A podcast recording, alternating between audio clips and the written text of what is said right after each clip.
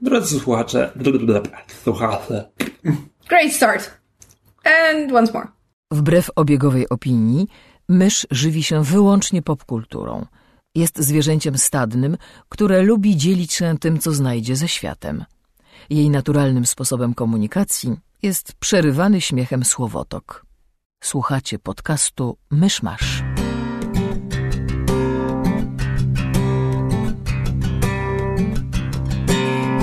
Drodzy słuchacze, jest 31 lipca 2017 roku, rocznica bitwy o Aleksandrię.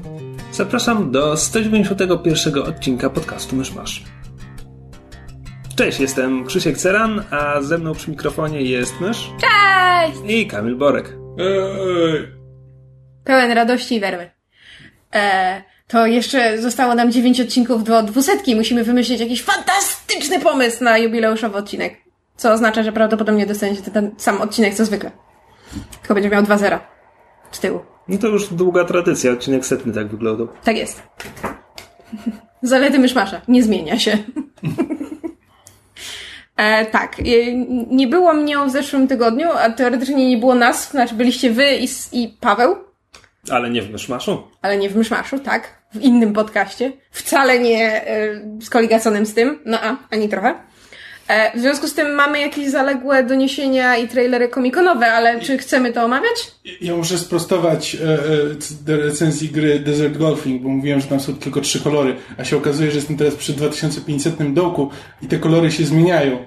Znaczy one się tak zmieniają, tak jakby wstawał nowy, zaczynał się nowy dzień, bo się zrobiły różowe, a teraz są niebieskie. Nie wiem, co chodzi. Ale wiesz, że słuchaczom naszego podcastu to nic nie powie. Tak, ale dlatego powinni teraz pójść i posłuchać tego z e, drugiego podcastu. Gorące krzesło. Reklama. E, tak, no więc e, San Diego Comic Con wziął się, skończył e, tydzień temu w momencie, kiedy to nagrywamy, więc już wszyscy widzieli wszystkie trailery i tak dalej. Ale wciąż możemy powiedzieć, że nowy zwiastun Justice League był... Był. Miał kolory, miał chyba więcej kolorów niż poprzednie. No. Okej. Czekam na J.K. Simonsa w roli komisarza Gordona, o ile scenariusz coś mu, cokolwiek mu da do zagrania poza tą jedną sceną na dachu. E, I to Obawiam się, że to może być, mogą być płonne nadzieje. No, pewnie tak, ale poza tym nie czekam na ten film. Obejrzę go, oczywiście, bo to już jest jakiś syndrom sztokholmski, a, ale nie czekam na niego. Był też drugi zwiastun Tora Ragnaroka, który wygląda super, aczkolwiek, to znaczy wygląda, wygląda super, doceniam to, że tam co druga scena wygląda jako okładka płyty heavy metalowej, e, Natomiast zastanawiam się, bo to jest film Marvela i mówiąc film Marvela od razu się spodziewamy, że to będą takie z przymrożeniem oka komediowe i tak dalej. I zastanawiam się, czy to będzie wyważone w tym filmie. Między tą epickością, którą nam obiecują sceny z Walkiriami i Hello i tak dalej, a tymi śmieszkami między Torem i Hulkiem. Zwłaszcza, że jeśli kojarzę komiksowe historie, na których będzie się opierał ten film, to one były jednak takie, takie poważniejsze, właśnie idące w tą epickość i tak dalej, że to są współczesna mitologia wikingów i w ogóle. E, I, i zastanawiam się, czy humor tego nie, nie osłabi, tej, tej, że tak powiem, warstwy czy tego tonu. Zobaczymy. Zwiastuny mi się podobają w każdym razie, ale ale zobaczymy. Można zrobić dobry zwiastun do złego filmu, co Znaczy, udowodnił Suicide Squad. Zaskakująco mam wrażenie, że jakby te trailery, jako jeden z niewielu trailerów Hollywood, jakby nie, nie mam po nich wrażenia, że już obejrzałem cały film. Eee, Tak, zwłaszcza jak sobie przypomnisz... przeciwnie, jakby w ogóle jakby nie mam, nie mam w głowie jakby struktury tego, co właściwie w tym filmie się ma wydarzyć, jakie to wszystko, No, jakie to wspomnij, wszystko ma związek wspomnij scenę po napisach z Doktora Strange'a. To znaczy, zwiastuny tak bardzo do niej nie nawiązują, że aż się boję, że to może być spoiler, ale w tym filmie Thor i Loki mają razem szukać Odyna, a Doktor Strange ma im w tym pomagać. Co jakby... Tak? No, scena, scena po napisach do Doktora. Strange'a to był Thor u Doktora. Hmm. I jakby te zwiastuny tak bardzo nijak się do tego mają, że teraz nie wiem, czy to jest, Czy to będzie coś jeszcze bardziej w przyszłości, a w tym filmie praktycznie tego nie zobaczymy? Czy może wszystko, co pokazują nam zwiastuny, tak naprawdę bierze się z pierwszego aktu filmu? Nie mam pojęcia. No ale to, to dobry znak, że przynajmniej nie można sobie dopowiedzieć całego filmu po zwiastunie. Może przynajmniej będzie inny niż do tej pory. Hmm. Mm. Na, na fanpage wrzucaliśmy, znaczy ja wrzucałem zwiastun Comrade Detective, który wygląda po prostu kompletnie obłąkańczo, e, bo nie, nie wiem, czy, to, czy taka będzie konstrukcja samego serialu, czy to, czy to jest po prostu konstrukcja trailera, bo w trailerze, w trailerze Channing Tatum dostaje e, Kasetę VHS. Tak, kasetę VHS, którą zaczyna oglądać, gdzie ktoś mówi, że to jest ten jego serial, ten, ten, ten jego serial, którego szukał tak długo. I on z, z, zaczyna, zaczyna oglądać, oglądać ten serial, a serial jest rumuńskim serialem kryminalnym, e, dubbingowanym właśnie przez Channinga Tatuma, Josefa Gordona Levita, Nika Offermana i Mahershale Alego. I, I jest to rumuńskiej policji w Bukareszcie. Dajmy o komunistycznej rumuńskiej tak, policji. w 80 tam, nie wiem, trzecim chyba. E, co widać? Tak, co widać jakby zarówno jak jest, jak jest nakręcony, w jakich, e, w jakiej lokalizacji się dzieje, e, no i jak, e, jak, jak zrobiony jest ten dubbing, bo to nie jest tak, że to jest profesjonalny dubbing e, serialu, tylko to wygląda tak, jakby jak, jak dubbingowane były filmy na VHS-ach. No tak, przy czym, przy czym dodajmy, bo można dać się nabrać, ja się dałem nabrać, to, to wszystko jest współczesne, to znaczy ten materiał rumuński też jest współczesny, mm. tylko po prostu jest stylizowany bardzo, bardzo na lata późne 80., czy tak, tak. które to mają być właściwie. E, to znaczy, zwiastun mi się podoba, natomiast czy ja chcę obejrzeć cały odcinek serialu, gdzie jest po prostu kiepski rumuński serial kryminalny z kiepskim dubbingiem? Chyba tak, nie. To, jest, to jest taka przypadłość seriali Amazonu, bo jakby to samo oni zrobili z Jean-Claude Van coś tam, zapomniałem jak, się, jak się nazywał ten serial, ale też puścili pilota serialu z Jean-Claude'em Van Damme, o Jean-Claude Van Damme, który jest tajnym agentem tak naprawdę jak jedzie na plan filmowy, to po to, żeby wykonywać tam jakąś misję. I to też był taki serial, ja nie wiem, ten serial chyba w końcu, czy, czy, czy oni go po prostu nie, Wiesz nie co, mają zamiaru produkować, czy to po prostu się przedłuża? Oni wypuścili te trzy piloty, to już niemalże chyba rok temu było. Wiem, że Kleszcza rozwijają w pełny serial tak, i on niedługo rozwijają będzie. I będzie, będzie niedługo. I Love Dick już jest na... Yy, na Amazonie, a, jest, a jakby ten Jean-Claude był, e, był trzecim serialem z tego samego rzutu i, i szczerze mówiąc nic o nim nie słyszałem, więc nie wiem o co chodzi. E, może go nie, może, nie, może tak, nie może z niego zrezygnowali. Ten, no, ale nie usłyszałem, że z niego zrezygnowali. Tak jak przeszło bokiem.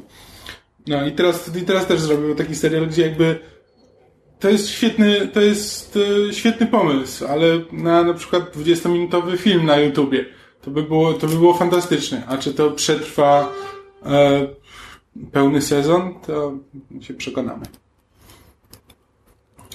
Coś jeszcze? Co tam jeszcze z komikonu? No, pojawił się trailer do filmu Ready Player One. Mm. Mhm. Filmu na podstawie książki Ernesta Kleina pod tym samym tytułem, e, którą ja przeczytałam kilka lat temu i była to moja ulubiona, jeden z ulubionych książek ostatnich lat w ogóle. E, pełna popkulturowych odniesień i nostalgii za latami 80., to znaczy jakby Klein did it first, zanim pojawiło się Stranger Things czy inne rzeczy, które teraz e, czerpią pełnymi garściami z popkultury lat 80., 90. I bardzo się bałam o, o ekranizację. E, potem jakby do, dołączono do niej Stevena Spielberga w roli reżysera, co z jednej strony było nieco uspokajające, z drugiej też niepokojące, bo umówmy się, jego ostatnie filmy bywały różne. Problem polega na tym, że jakby ten film ma ogromny potencjał, e, że tak powiem, e, marketingowy i, i, może nawet kultowy w pewnym momencie, bo jest właśnie pełen odniesień do, do popkultury i dla, dla jakby szeroko pojętych geeków i nerdów jest po prostu stworzony. Natomiast w ogóle praktycznie się o nim nie, nie mówi, nie ma żadnej promocji, newsy o nim się po prostu gdzieś walają w jakiś w zakątkach internetu trzeba je specjalnie wyszukiwać. Żadne duże portale o tym filmie nie mówią. Jak się ludziom pokazuje trailer, to w ogóle nie, nie słyszeli, że istnieje taka książka, nie wiedzą co to jest. A dla mnie jest to ty, o tyle jakby też niepokojące, znaczy ten trailer jest o tyle niepokojący, że on on pokazuje sporo. Problem polega na tym, że pokazuje nie to, co powinien. To znaczy jakby w książce chodzi o to, że jest ileś tam naście, dziesiąt lat w przyszłości. Większość ludzi um, woli żyć w wirtualnej rzeczywistości. System się nazywa Oasis niż w świecie rzeczywistym. No i w tym Oasis można robić wszystko. To jest takie e, Second Life. Second Life, tylko że bardziej i z, i z opcjami VR. E, I, I nasz bohater bierze udział w takim e, treasure hunt, takim polowaniu, wirtualnym polowaniu na skarby, bo główny... Twórca Oasis zmarł i ktoś, kto wygra jego treasure hunt, zostanie jego dziedzicem. Tak, Był o wielomiliardowej tym odcinek Community. fortuny i tak dalej. E, I jakby w, w trailer filmu pokazuje naszego głównego bohatera, pokazuje bardzo Trailer dużo... kompletnie o tym nie mówi. Tak, trailer pokazuje bardzo dużo tego, tego właśnie CGI-owego Oasis, które jest całe zrobione, przynajmniej s- interpretuję tak trailer, zrobione w stylu animacji komputerowe anime a la Final Fantasy. Co? No tak to wygląda. Nie wiem, dla mnie wyglądało po prostu jak no nie wiem, komputerowa animacja, ale nie, że jest stylizowane na coś. Znaczy, hmm, ja, Znaczy, ja miałam bardzo... strasznie generycznie. Ta, znaczy, ja miałam bardzo silne skojarzenia, że to jest nieślubne dziecko Final Fantasy i The Polar Express. I żadne z tych mi się nie podoba. Znaczy, wiesz co, ja nie mam wiele do powiedzenia, bo obejrzałem ten zwiastun i to jest, ja nie czytałem tej książki. Zapytałem kiedyś Kamila, czy powinienem, powiedział, że mi się nie spodoba, uwierzyłem mu. E, No i obejrzałem ten zwiastun i, i co? No wow, stalowy gigant. O, a tam jest DeLorean. I, I to cały film ma polegać na tym, że o patrz, tu jest nawiązanie do filmu. O patrz, tam jest nawiązanie do filmu. Na tym polega książka mniej więcej. I właśnie dlatego po nią nie sięgnąłem. Znaczy, nie no, książka ma jakąś tam fabułę i bohaterów i, i przygody i ma jakiś morał, bohater się zmienia, rozwija, ale owszem, elementy popkulturowe e, i masturbacja nostalgią, umówmy się, są tam bardzo em, prominentne, natomiast y, ja mam... też się boję, że film za bardzo pójdzie w stronę tego właśnie, o patrzcie, Stalowy Gigant, TARDIS, DeLorean, y, te... Ja, ja mam pewien problem z tym filmem na poziomie koncepcyjnym. To znaczy, mam problem z tym, że robi go Spielberg. Powinien go robić J.J. Abrams, który jest Tak, reżyserem, powiedzmy, młodszego pokolenia, współczesnego pokolenia, które uwielbia, jakby on już zrobił Super 8 i tak, Tak. dalej. On już pokazywał, jak ja bardzo kocham Spielberga sprzed 30 lat. Kiedy Spielberg będzie kręcił Spielberga sprzed 30 lat, no to to, To będzie ja nie wiem, co z tragedia. tego będzie. Znaczy ja, ja przewiduję niestety tragedię i trailer mnie w tym utwierdza, ponieważ co prawda książkę sobie powtarzałam tylko, tylko rok temu w formie audiobooka słuchanego przez Willa Whitona. Zresztą polecam, jeżeli ktoś chce sobie posłuchać po Czytanego angielsku. przez Willa Whitona. Tak, czytanego przez Willa Whitona. E, Oglądać przez 9 godzin, jak Will Wheaton słucha książki. Cio. Um, natomiast y, w trailerze jest pokazana jakaś super e, trzymająca w napięciu, pełna akcji scena jakichś pościgów pomiędzy latającymi kulami do burzenia budynków. Niemal jak wyjęte z Fast and Furious któregoś. Nie wiem, przypadkiem wpadli im na plan, żeby nakręcić część swojego filmu. I I hate to be that person, ale tego nie ma w książce! I po prostu uczynienie większości trailera właśnie taką ogromną sceną pod tytułem patrzcie, akcja, wybuchy, CGI, tu się dzieje wszystko, tyle nawiązań. Jakby utwierdza mnie w tym, że oni kompletnie nie rozumieją, z czym mają do czynienia i zrobią to źle. Znaczy, też pytanie, czy wiesz, czy twórcy filmu nie rozumieją, czy po prostu twórcy trailera. No więc, prostu, e, gdzieś to jakiś nie dział jest- marketingu postanowił, że wrzuci teraz wszystkie ekscytujące sceny z filmu do tego trailera i wiesz, nie zostawił tam nic interesującego. E, Natomiast co do tego, co ty powiedziałeś, że to J.J. Abrams powinien robić, to ja nie do końca jestem pewien, bo jakby nawet książka Ready Player One, to, to, to nie do końca jest książka dla, dla młodego pokolenia. To jest właśnie dla, raczej dla ludzi, którzy dla których jakby lata 80. to jest, to, jest czas ich nostalgii. To jest to, do czego wspominają. Jakby nawet książka jest tak zrobiona, więc ja myślę, że film, do filmu Spielberg może, może pasować. Tylko pytanie, czy on jeszcze pamięta, jak się robi filmy w ogóle. Bo szczerze mówiąc, po Indianie Jonesie to tak...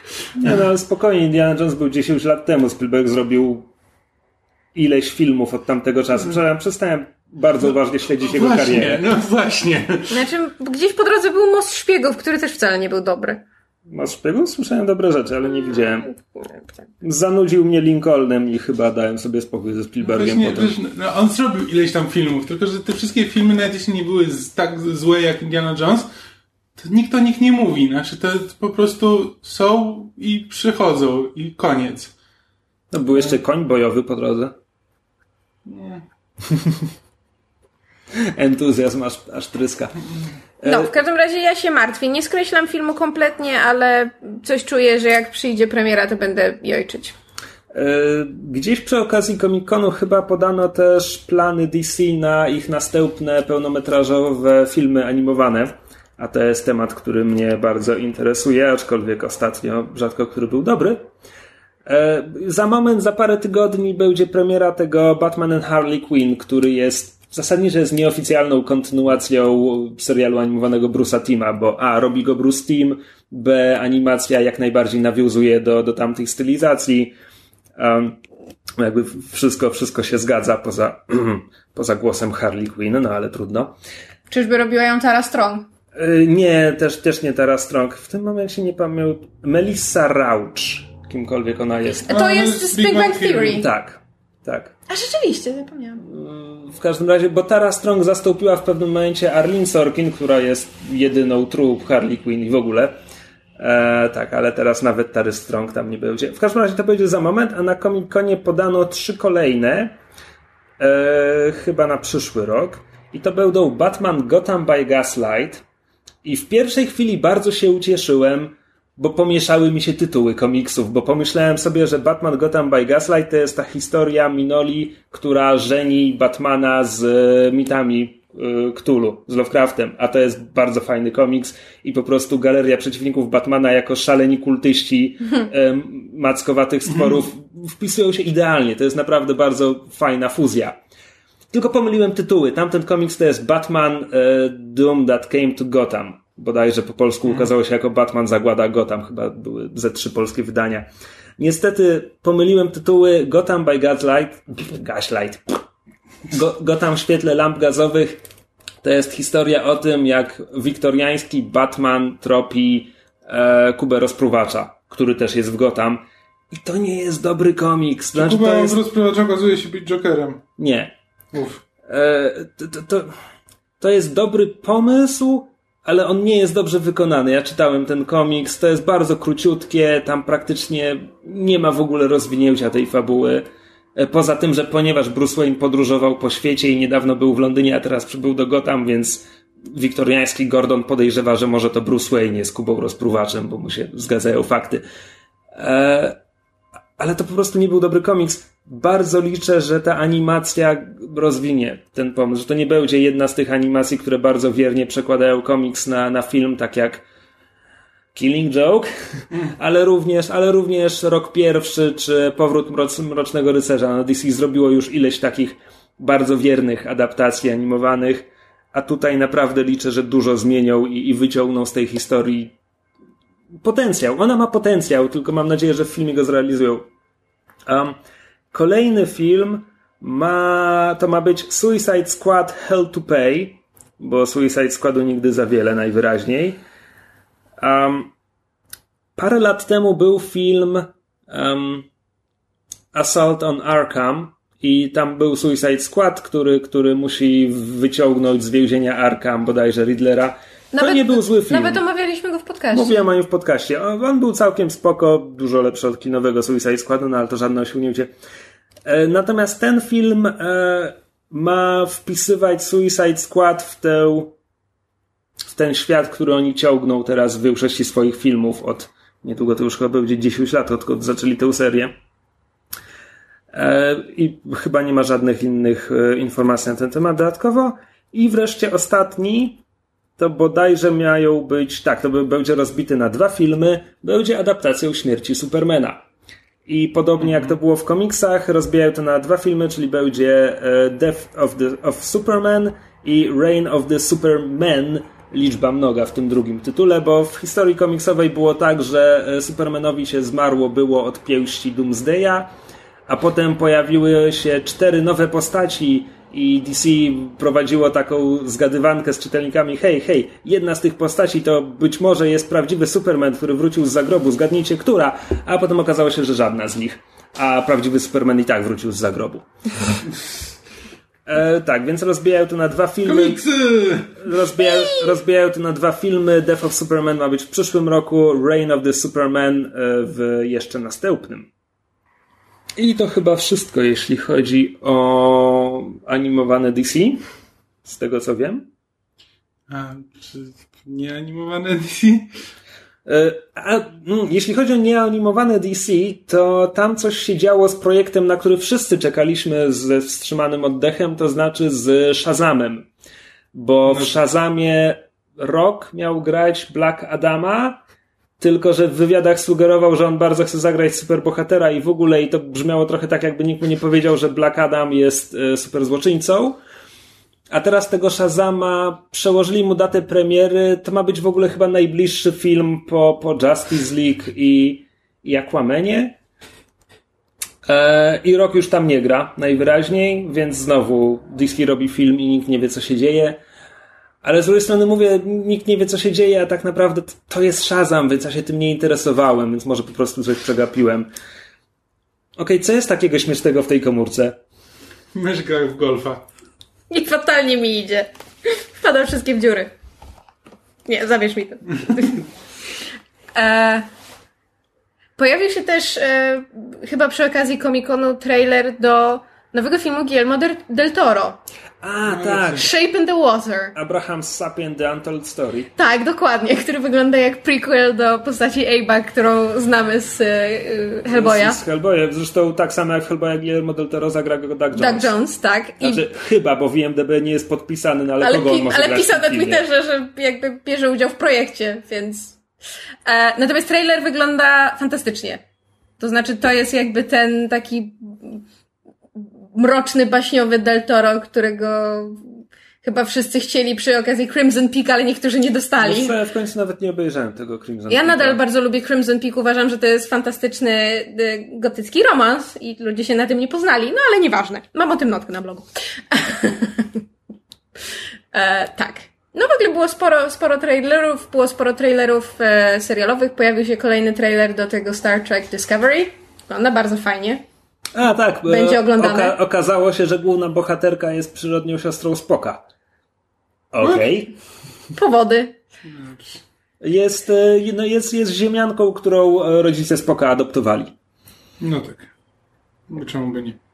To nie przyrodnią, tylko przybraną. Przy, przysposobioną? Adoptowaną. Usynowioną. U, us, usurzoną. E, I to chyba tyle. Coś więcej było? Nie było? Znaczy na pewno było, bo to Comic Con, więc tam był pierdyliard newsów, ale minął tydzień i... Czy ewentualnie chcemy wspomnieć o tej, e, a propos Infinity War i dzieci Thanosa? Znaczy, których zapowiedzieli. Ale zapowiedziane dzieci Thanosa już omawialiśmy w podcaście. Tak? Tak. Aha. Natomiast na Comic-Conie, na Comic-Conie pokazano też materiały, których nie pokazano potem internetowi, więc jest podobno jakiś niewiarygodny, oszałamiający materiał z Black Panthera, e, który tam ja nie, nie, nie, czytałem opisu, co w nim dokładnie było, bo chcę to kiedyś zobaczyć, a nie chcę czytać, co tam będzie. I pokazano e, teaser, zwiastun, za, zasadniczo właśnie Infinity War, którego tak, też który... nie pokazano internetowi, ale, jest, ale internet, jest internet mi pisał, jakie to jest imponujące i wow, i sala szalała i w ogóle. I wyszło parę nagrań z ziemniakiem z ukrycia i obejrzałem jedno z nich, na którym widać większość ekranu i nie rozumiem tej reakcji. To znaczy, no, no tak, no, no tak, bohaterowie no. różnych filmów stoją koło siebie, a sala wariuje, bo bohaterowie różnych filmów stoją koło siebie. Sorry, no, jeśli, Stali, jeśli, staliśmy się bardzo prości. Jeśli, jeśli, to jest, jeśli to ma być cała wartość tego filmu, no to sorry, nie. Zobaczymy. Ja tam wierzę w braci Russo. In Russo i Trust. Tak. Dobrze. To skoro tyle mamy z Comic-Conu, to skoro mówimy o braciach, to ja płynnie przejdę do pilota serialu, który oglądałam. E, mianowicie pojawił się. E, nie, nie wiem gdzie. Brawo myszu.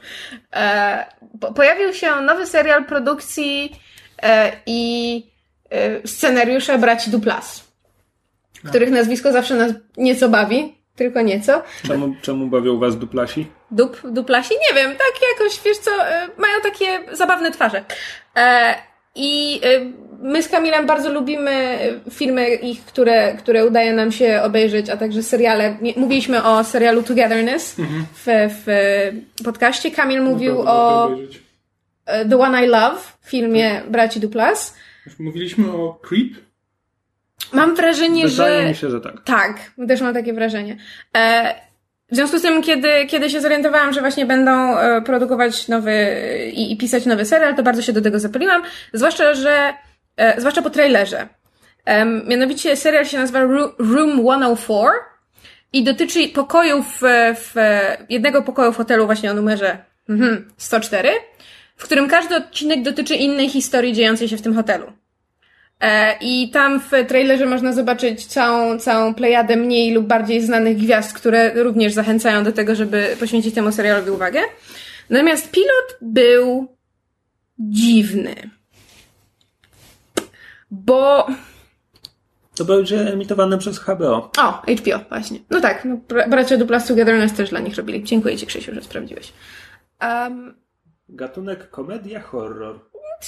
Tak, rzekłabym. To znaczy, To miałam... jest podstawowy gatunek. Tak, miałam, miałam silne skojarzenie z e, American Horror Story ze względu na taki klimat em, Myślałem- antologii. Myślałem, że powiesz, że z czterema pokojami. To było drugie jest moje skojarzenie, dziękuję Ci bardzo. A trzecim było Twilight Zone. I mam wrażenie, że do Twilight Zone temu serialowi jest najbliżej. Ale mówię to nie obejrzawszy w życiu ani odcinka Twilight Zone, tylko mając jakby taką ogólnopopkulturową świadomość tego, czym był ten serial. Będę trochę spoilować ten pilot, e, ale jakby uważam, że on trochę obrazuje klimat. Mianowicie młoda e, dziewczyna zostaje wynajęta przez e, ojca, który jest w podróży, żeby przypilnować jego syna w tym właśnie pokoju hotelowym, bo on gdzieś wychodzi. Potem się dowiadujemy, że na randkę. No i ten chłopczyk jest nieśmiały, najpierw długo siedzi zamknięty w łazience, ona tam próbuje się z nim porozumieć, on jej zatrzaskuje drz- drzwi przed nosem, potem jakby wychodzi i mówi, że tam w łazience jest zamknięty Ralphie, że Ralphie jest bardzo zły i że żeby ona nie była za głośna i żeby go nie, nie, nie, nie próbowała budzić, bo wtedy Ralphie wyjdzie i będzie zły i coś jej zrobi. No i jakby przez cały 20-minutowy odcinek, bo odcinki są 20-minutowe, mamy taką pełną napięcia historyjkę, gdzie z jednej strony widać, że dziecko wierzy w to, co mówi, a ona tak balansuje pomiędzy to jest jego zmyślony przyjaciel, a to jest on. Zwłaszcza, że potem mamy scenę, w której on jakby na nią krzyczy, że pod tytułem coś tam, nie wiem, że, że ona zaczęła na niego krzyczeć chyba na tego chłopca, bo coś zrobił i on mówi nie krzycz, bo obudzisz Ralphiego. Po czym no, now you've done it, idzie do łazienki, po czym po chwili wybiega dzieciak, który wygląda identycznie jak on, tylko tam, nie wiem, ma, ma, jest w samych majtkach i w jakiejś pelerynce zawiązanej na szyi i zaczynają atakować i wrzeszczeć, że I'm gonna get you, I'm gonna get you. Po czym się chowa z powrotem do łazienki i zaraz wychodzi ten nasz mały chłopczyk pod tytułem ojej, czy Ralphie cię dorwał. Więc jakby przez cały, cały odcinek gra z nami na zasadzie, czy to jest, czy to jest zmyślony przyjaciel, czy to jest on, czy on ma jakieś rozdwojenie, ten, osobowość mnogą, czy, czy, czy to jest jakiś duch, czy co to jest. Po czym odcinek się kończy tym, że Ralphie się wyrywa, ale pojawia się też ten chłopiec. Ona widzi ich obu. Ralphie zaczyna, za, zaczyna dusić tego małego chłopca, dusi go, po czym zaczyna próbować zabić naszą bohaterkę, tę babysitterkę. Czy spoilujesz teraz ten odcinek? Przecież Tak, powiedziałam na samym początku, że będę spoilować. Przegapiłem. Znaczy, po, powiedziałeś, że będziesz trochę spoilować, no ale Tak, ale no jakby... Ech, trochę is in the eye of the beholder. Moje oko jest bardzo wielkie w takim razie, no. A, i, I bohaterka jakby, żeby się bronić, to, to, to poddusza tego, tego Ralphiego, po czym wraca ojciec No i co się okazuje? Okazuje się, że oczywiście nie było żadnego drugiego chłopca, że on, ona udusiła to dziecko, tego, tego, tego chłopca. I, I ona się zaczyna śmiać na koniec. I trzaskają drzwi od łazienki. I ja mam takie... Okej, okay, to czy to jest, to, czy, czy to jest właśnie serial taki horrorowy w stylu duchy nawiedzenia w tym pokoju, są jakieś energie, nie wiem, kosmiczne, e, duchowe, mistyczne, czy to jest e, serial w stylu właśnie, nie wiem, bardziej cztery pokoje, taki hyperrealism o ludzkim, nie wiem, szaleństwie, czy, czy różnych takich rzeczach. I miałam właśnie bardzo silne, nie wiem czy podstawne, ale mam wrażenie, że tak, skojarzenia z Twilight Zone, ale to nie jestem przekonana po tym pierwszym odcinku, natomiast sprawił, że jestem bardzo ciekawa kolejnych historii, bo chciałabym wiedzieć, jak to się wpasowuje w całą większą narrację, czy w ogóle będzie większa narracja, w sensie, czy jakby w obrębie tych pojedynczych odcinków, które opowiadają pojedyncze historie, będzie jakaś, e, jakiś... E, overarching theme albo jakaś, jakaś właśnie historia, która to łączy, czy to są po prostu takie pojedyncze etiutki w stylu, nie wiem, serii e, Masters of Horror, czy właśnie e, takich antologii, gdzie każdy odcinek jest o czym innym.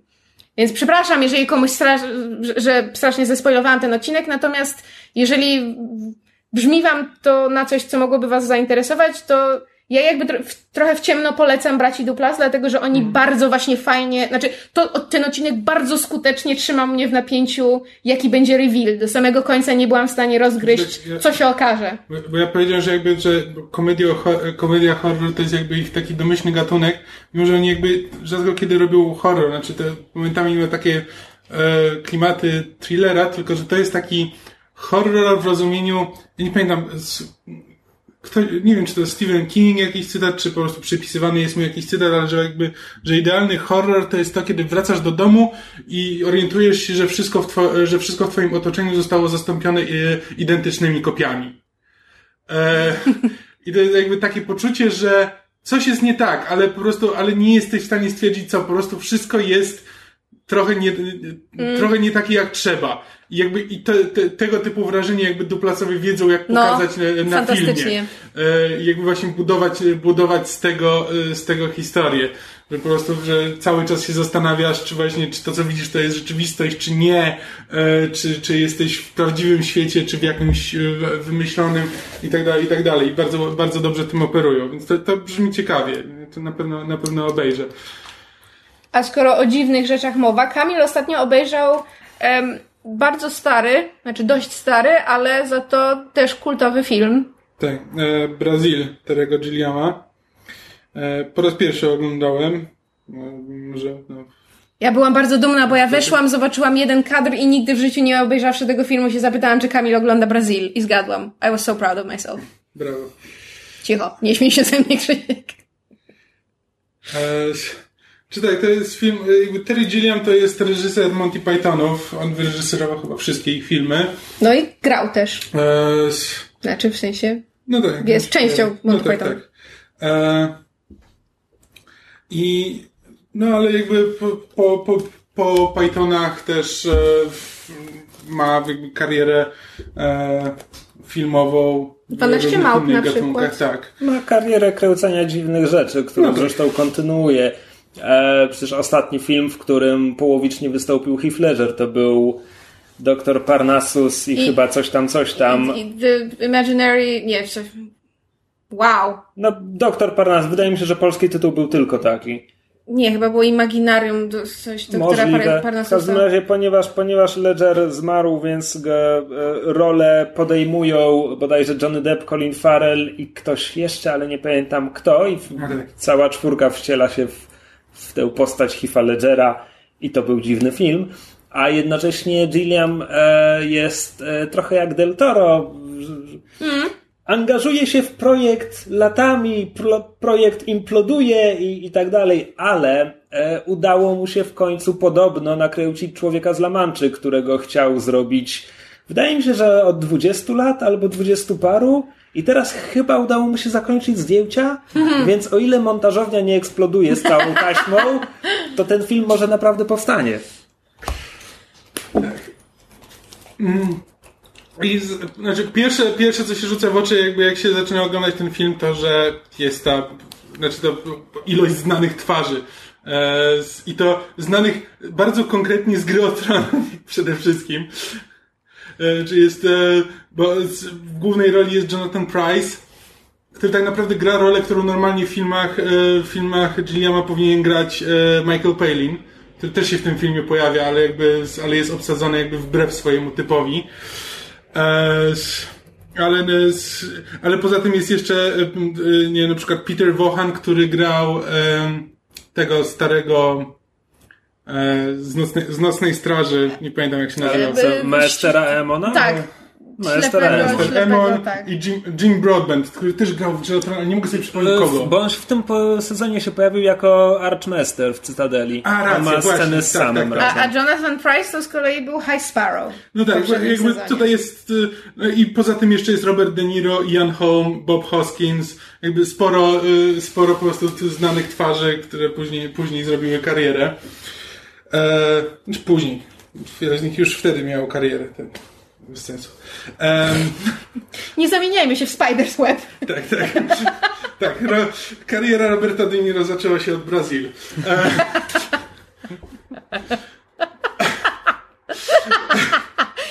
Ojej, dobrze.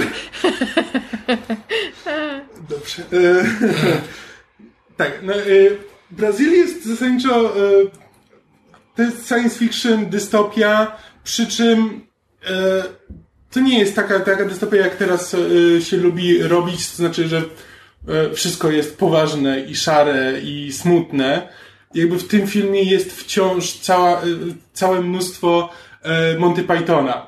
Jakby ten film nie kupił e, z, d, dialogiem, który nam się pojawia chyba w pierwszej pół godziny, e, pół godzinie filmu. Jakby z, e, doskonale jakby tłumaczy e, jakby atmosferę tego filmu trochę, E, gdzie jakby główny bohater, e, Jonathan Price spotyka swojego kolegę z innego działu. Jakby Jonathan Price pracuje dla, e, dla rządu, dla tego dystopijnego rządu.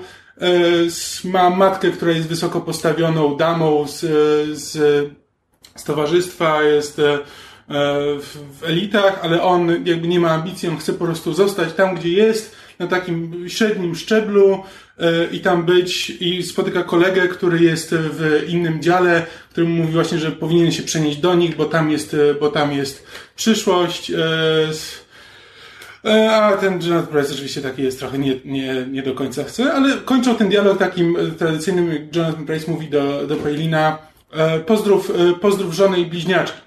Już trojaczki. Jak ten czas leci? Kamil mi to wczoraj sprzedał, ja stwierdziłam, że to jest absolutnie genialne. I, bo, I to jest dokładnie ten klimat tego filmu, gdzie jakby co jakiś czas masz takie rzeczy, które łatwo by było przegapić. Znaczy, tak naprawdę jak słuchasz tego po prostu w trakcie, wiesz, dialogu, to to jest tak wplecione, że mógłbyś po prostu to przegapić zupełnie, jakby nie zauważyć, że jest coś nie tak. Znaczy, bo nie ma, E, nie ma pewnie pauzy na śmiech jakby. Tak, nie, oczywiście, że nie. To jest po prostu takie normalne ten, no, jest normalne wplecione w, ich, wplecione w ich rozmowę, jakby w pierwszej chwili, wiesz, dopiero jakby chwilę potrzebuje, żeby zaskoczyć, co się właściwie wydarzyło w tym dialogu i dopiero po chwili do ciebie dociera. E, I to jest taka, e, i to jest taki standard. I wszystko jest, i to, i to wbrew pozorom ten cały absurd sytuacyjny jakby znacznie bardziej urealnia te, e, te dystopie. Bardziej niż właśnie ta e, powaga i szarość e, obecna, obecna w, jakby we wszystkich praktycznie późniejszych filmach, jakby we wszystkich współczesnych filmach. Bo jakby, bo totalitaryzmy jakby nie są takie spójne i logiczne, takie monolityczne, tak jak są pokazywane na filmach, tylko jakby one są oparte właśnie na kompletnej wewnętrzny, wewnętrznym braku logiki. e, Trochę jak polski rząd. Fałszu.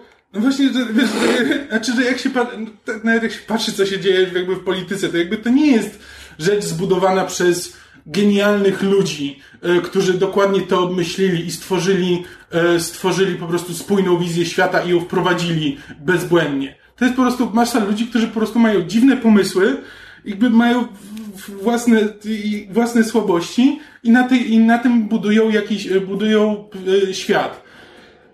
E, I to jest, to, i to jest znacznie bardziej przekonujące niż, niż, każda, niż każde poważne podejście do, do, tego, do tego typu tematów. Też to, że no, ten film no to powstawał też w trudach i znoju, e, bo jakby studio, studio wielokrotnie próbowało zmienić jakby wydźwięk całego filmu, e, jakby bało się tego, jakie, jakie to wrażenie zrobi na publiczności.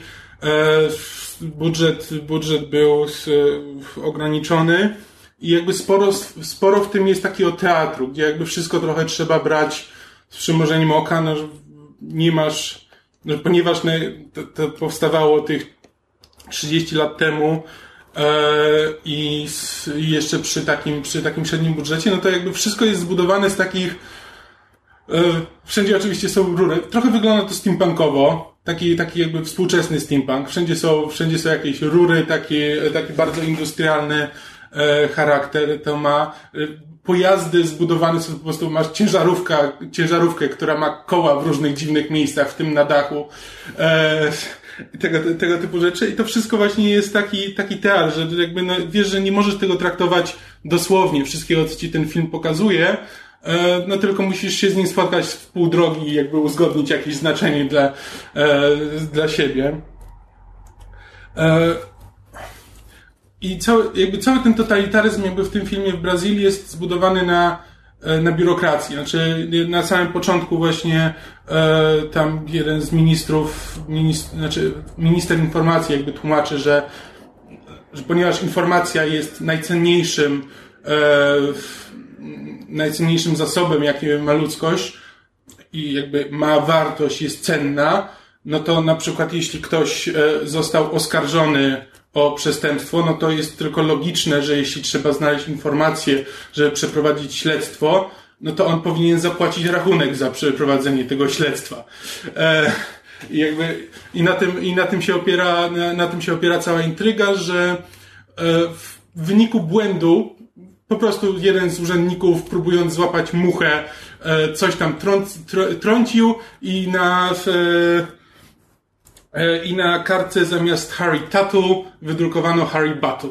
I, z, e, I jakby rząd, który szukał terrorysty, po prostu wpadł do, do czyjegoś mieszkania, porwał tego Harry'ego Tatla i zabrał e, e, Harry'ego Butla i zabrał, zabrał do siebie, mimo że to jest niewłaściwy, niewłaściwy człowiek.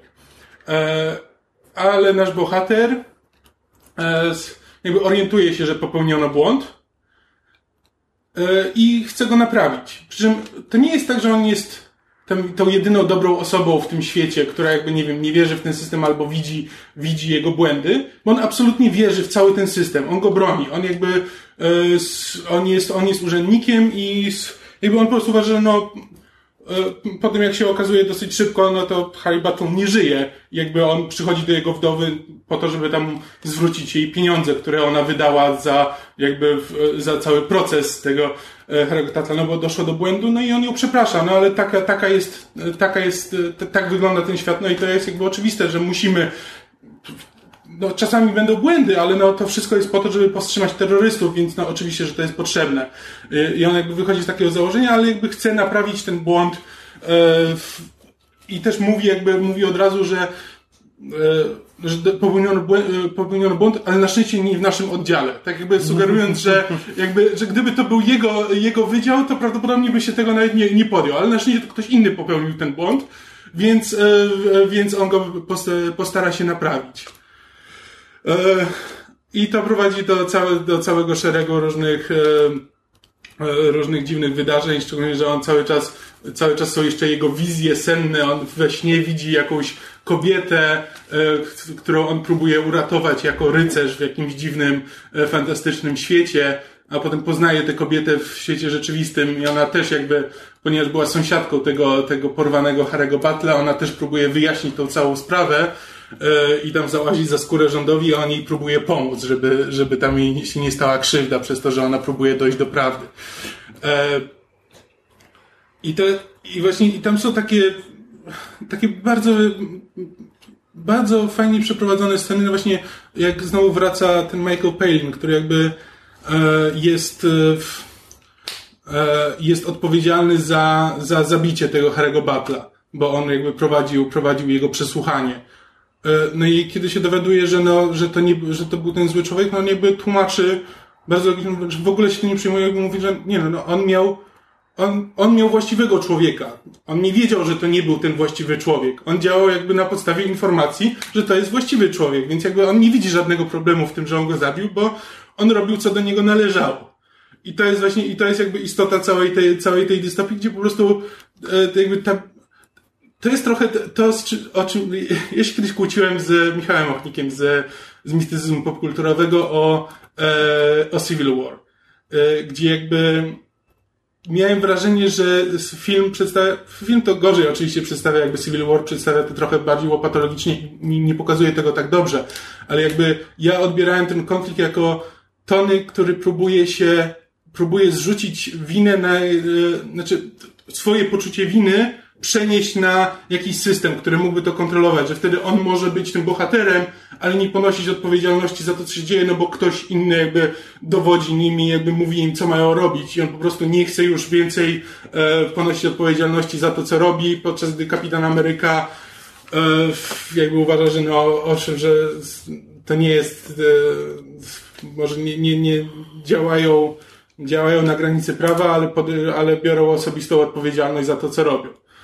Film to pokazuje słabo, z tym akurat się zgadzam, ale to jest właśnie na, ty, na ty, mniej więcej na tym jest zbudowana e, cała dystopia właśnie w Brazylii. Znaczy tego, gdzie jakby kończy się osobista odpowiedzialność, a gdzie no po prostu robisz co do ciebie należy i właściwie jak, jak bardzo powinien się nad tym zastanawiać.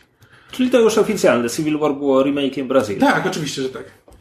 Nie, ale polecam ten film. Jakby jest, bardzo ciężko jest o nim opowiadać, ponieważ on porusza bardzo dużo różnych kwestii, to bardzo zróżnicowanych. To nie jest tak, że i nawet jakby sam Terry Gilliam jakby mówi, że on nie próbuje jakby przewidywać, przewidywać przyszłości, on jakby trochę tam porusza kwestii, które były aktualne wtedy, one wciąż są aktualne, e, ale to nie jest tak, że to jest film jakby o jednym, o jednym aspekcie tam człowieczeństwa czy społeczeństwa, e, ale po prostu jest tam, jest tam dużo różnych wątków, a przy tym film jest kompletnie zwariowany. Znaczy jest po prostu jest kompletnie odjechany i i rzadko się widuje coś tak, coś tak innego i coś tak dziwnego, więc po prostu choćby dlatego warto zobaczyć, bo, niezależnie od tego, ile filmów obejrzeliście w ciągu ostatnich 30 lat, Brazil pozostaje jednym z najdziwniejszych.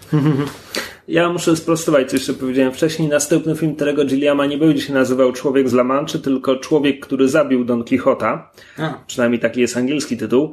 E, przeczytałem streszczenie fabuły na IMDB, nie będę streszczał, jest dziwna bo to Terry Gilliam. Natomiast obsada, tam będzie Stellan Skarsgård, wspomniany Jonathan Price i Adam Driver, między innymi. Hmm. A także Olga Kurylenko, która nie wiem, gdzie się chowała od ostatniego, znaczy od ostatniego. Chciałem powiedzieć od Quantum of Solace, nie wiem czemu chciałem powiedzieć od ostatniego Bonda. Nieważne. Um, natomiast to co, to, co mówisz o tym, że w Brazylii jest ten totalitaryzm, który nie jest stuprocentowo poważny w sensie, mm. i, i dlatego po prostu jest bardziej przekonujący, czy, czy bardziej działa niż, niż po prostu taki stuprocentowo poważny totalitaryzm tak, przedstawiony w poważnym, logicznym totalitaryzmie, jak tylko dostrzegasz jakąś nielogiczność, to zastanawiasz się, okej, okay, czemu ci ludzie tego nie widzą, czemu nie są w stanie się z tego, e, te, tego zauważyć i dostrzec, a kiedy jakby tych nielogiczności jest po prostu cała masa i po prostu widzisz, że jakby to jest oparte na jakiejś jednej ogólnej idei jakby nie ma znaczenia to, ile ona ma dziur, po prostu wszyscy w nią wierzą, no to jakby łatwiej to, e, łatwiej to przełknąć. Tak, więc to, to, to o czym wspominałeś w odniesieniu do Brazylii, to jest powód, dla którego mi się tak strasznie podobało Shades of Grey Jaspera Forda, która też jest o totalitaryzmie absurdalnym i jest powieścią, która zawiera sporo absurdalnych elementów, a jednocześnie opisuje naprawdę przerażający totalitaryzm i jakby, że tak powiem, Nastrój zmienia się gwałtownie im, im bliżej końca powieści. A wspomniałem o tym, bo już prawie przeczytałem pierwszą książkę z cyklu First Day Next e, Jaspera Forda. Ja nie byłam w stanie skończyć. E, The Ayer Affair. Ona The, ukazała się. Nie Air Affair? Możliwe. Bo to jest Jane, od Jane Eyre. E, która ukazała się po polsku, nie pamiętam pod jakim tytułem. I cóż, Shades of Grey jest autentycznie z roku na sercu jedną z moich ulubionych książek, więc ja wchodziłem w to z absolutnie nierealistycznymi wymaganiami. Eee, Air Affair jest bodajże jego debiutancką powieścią, więc od razu wiadomo, że to, no, to nie może być na takim po poziomie, bo przecież nikt, nikt nie debiutuje jakimś arcydziełem od razu, chyba że jest e, Suzaną Clark. To Suzana Clark napisała Jonathana Strange'a i Pana Norella? chyba? Tak. Tak, no więc poza nią nikt nie debiutuje arcydziełem. A... Okej, okay, więc to jest tak porąbana książka. Mm. Bo zasadniczo, jak przeczytasz blub z tyłu okładki, czy zobaczysz tylko wzmiankę w sieci, no to wyjdzie ci, że główna bohaterka First Day Next przenosi się po książkach i jest jakaś tam intryga, nazwijmy to kryminalna, która wiąże się z fabułą tytułowej zasadniczo Jane Eyre autorstwa w, Charlotte Bront. I w każdej kolejnej książce jakby afera dotyczy innej książki, tak. znanej z literatury. Tak, tylko że ten blurb z tyłu okładki pomija ci to, że tam cała kreacja świata jest porąbana. To jest, to jest alternatywna historia, akcja toczy się w latach 80., alternatywna historia, w której Wielka Brytania wciąż toczy wojnę z cesarstwem rosyjskim na Krymie. Wojna krymska trwa już 150 któryś rok w tym momencie. A Druga wojna światowa nie nazywa się drugą wojną światową, tylko jakoś inaczej, a po drodze naziści okupowali Wielką Brytanię i działy się również inne rzeczy. Blisko końca książki dowiadujemy się, że, że w tej rzeczywistości Winston Churchill nigdy jakby zginął jako nastolatek. E, dowiadujemy się o tym od ojca głównej bohaterki, który podróżuje w czasie, bo w tym świecie są podróże w czasie. Bo, okej, okay, Główna bohaterka jest e, funkcjonariuszką sił specjalnych, brytyjskich sił specjalnych, konkretnie oddział 27, Litera Tech, którzy zajmują się przestępstwami związanymi z literaturą.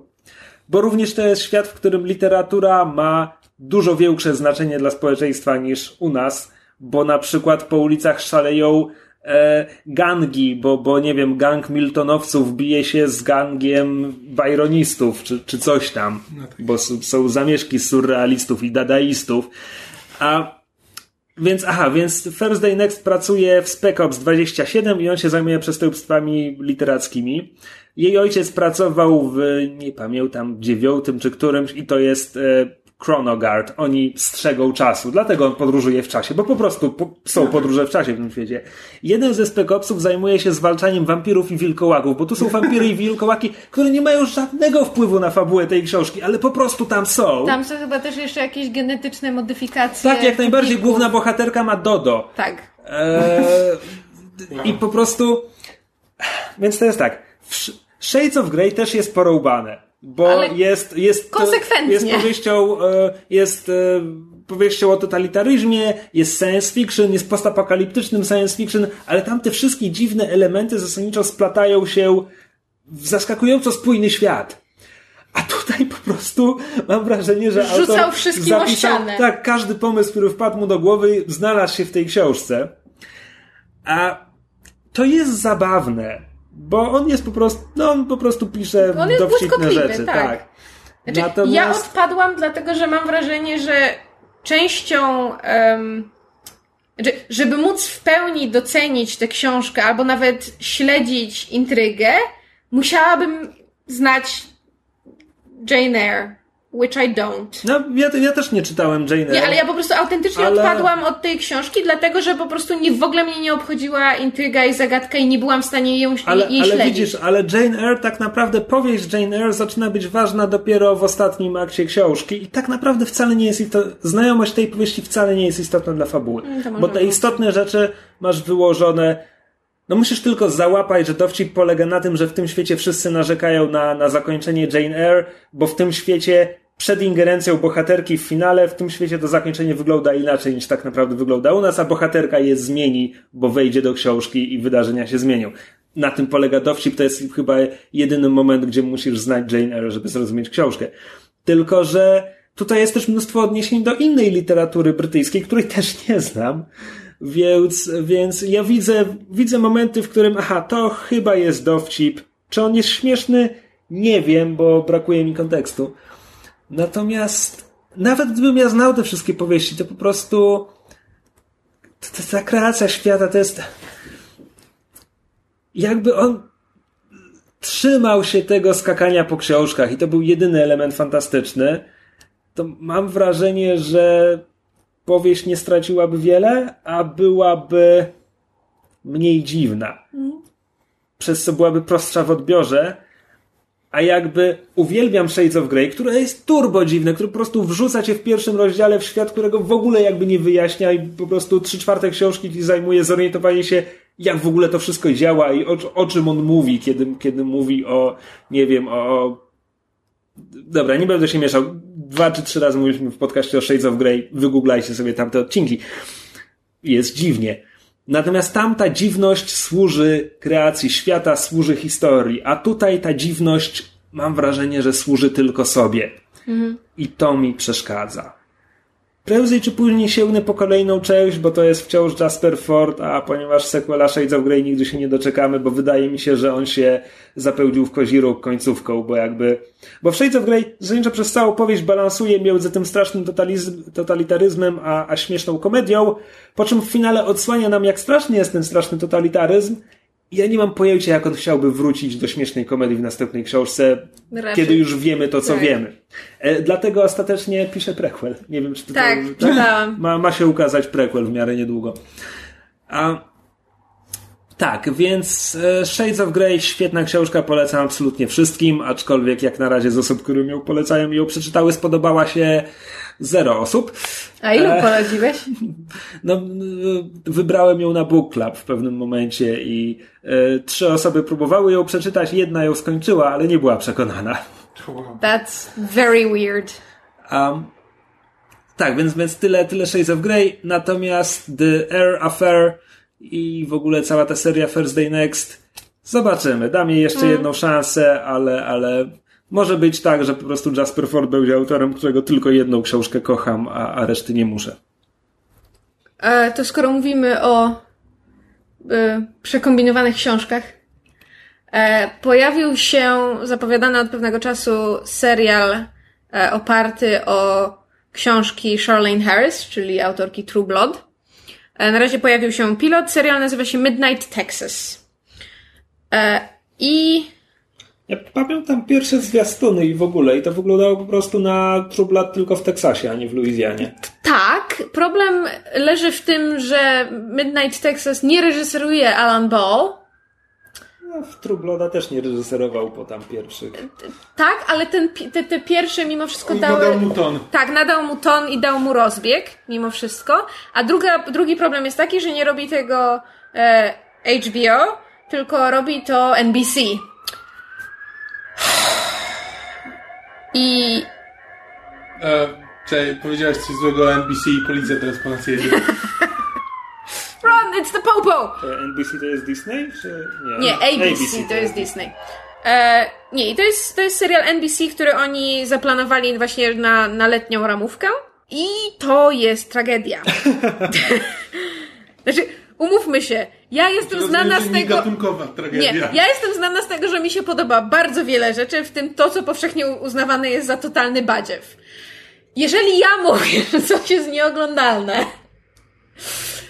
to jest tak. Serial opowiada o e, Manfredzie. Jest, that's his real name. Przynajmniej z tego co wiem.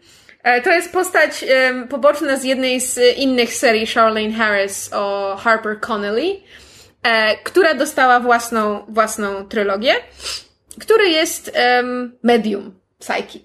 Tylko, że o, znaczy jest jakby pochodzi z długiej e, e, linii z, z rodziny mediów i z łączy. Rodziny. Tak, z medialnej rodziny. E, I łączy jakby to, że jest po części conmanem, w sensie, że większość z tego, z tych prawda, e, readings, które ludziom robi, tego przepowiadania przyszłości i rozmawiania z duchami, to jest ściema ale ma też prawdziwe zdolności, w sensie jest się, jest się w stanie komunikować z duchami, one są go w stanie opętać i ma do czynienia z e, jakimiś nadprzyrodzonymi siłami i uciekając przed kimś, kto go goni, pilot nie do końca wyjaśnia przed kim. Czy, to jest ten, czy jego gra ten Lincoln z Agentów Tarczy? Nie, gra go François Arnaud. To jest um, Cezar Borgia z serialu The, The Borgias. Borgiowie. A, nie, to jakoś... E, bardzo dobry zresztą aktor. Obrazki nie zmyliły. Um, natomiast i, nasz bohater, uciekając przed złymi ludźmi, e, za namową swojej babci, ducha swojej babci, przyjeżdża do miasteczka Midnight w Texas. E, po czym się okazuje dość szybko, zresztą trailery tego nie kryły, że miasteczko Midnight jest swojego rodzaju um, azylem dla właśnie różnego rodzaju nadprzyrodzonych istot, które tam mieszkają i tworzą społeczność. No, w związku z tym mamy... A, a, no to, to jest Lincoln z agentów Taczy. Nie. Nie? Lincoln jest blondynem. To jest zupełnie inny aktor. Przepraszam, Kamil teraz IMDbuje. Okej, dobrze. Jest podobny. Nie, ani trochę. But thanks for playing. Um, w związku z tym mamy e, wampira, mamy czarownicę, wiedźmę, wikankę, e, która ma gadającego kota. W związku z tym ja miałam flashbacki do Sabriny nastoletniej czarownicy. E, po, poziom poziom efektów specjalnych pod względem gadającego kota jest nieco większy niż e, kłapiąca paszczą pacynka, ale niewiele większy. mamy... Kogo my tam jeszcze mamy? Mamy y, tajemniczą Oliwię, która jest jakąś super asasynką, ma w ogóle całą, wiesz, ukrytą szafę pełną pistoletów, karabinów maszynowych, nie wiem, z, kurz i wszystkiego innego. Ale czy jest nadnaturalną E, asasynką? s- nie, znaczy serial mówi, że ona jest jakby jednym z e, nie- niewielu e, ludzi, którzy mieszkają w mieście, ale którzy wiedzą jakby kim są inni mieszkańcy i, i jej to nie przeszkadza, bo ona też ma swoje sekrety, jakby sen, znaczy nie, sednem serialu jest to, że każdy ma jakieś swoje sekrety. Mamy pastora, który chyba jest wilkołakiem, bo w pewnym momencie mówi, że jutro się zaczyna pełnia, więc będę niedostępny przez parę dni i ma dziwną obsesję na punkcie e, swojego cmentarza zwierząt, który prowadzi w bardzo małym miasteczku. Mamy parę e, gejów, którzy wspólnie prowadzą salon tatuażu i e, e, kosmetyczny. No dobrze, ale czy to naturalni geje? Tak, są aniołami, którzy od, od, od stuleci e, mają oko na to miasteczko. Uuu, edgy. Edgy, Edgy AF. E, No i jakby intryga jest taka, że nasz bohater przyjeżdża do miasteczka, żeby mieć chwilę spokoju, ale zarówno dom, w który, dom, który wynajmuje jest pełen duchów i pod nim drzemie jakaś mistyczna siła, bo miasteczko jest na jakimś przecięciu linii energii, jak to zazwyczaj w tego typu... Tak, Hellmouth po prostu, jak to zazwyczaj w tego typu e, fabułach bywa.